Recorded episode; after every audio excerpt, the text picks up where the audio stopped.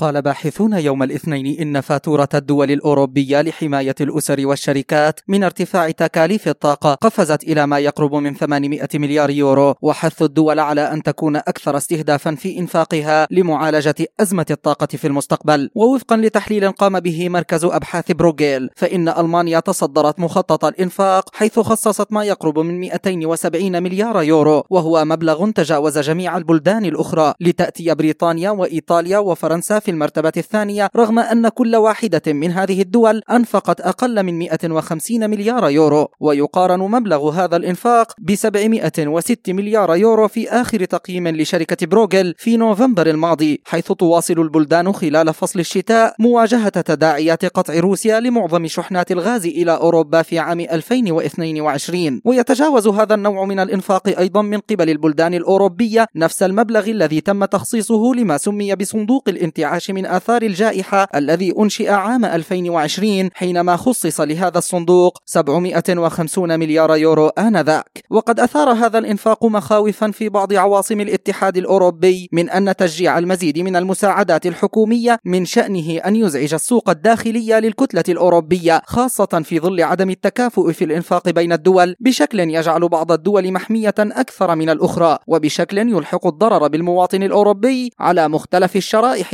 التي ينتمي إليها وتحديدا الشريحة محدودة الدخل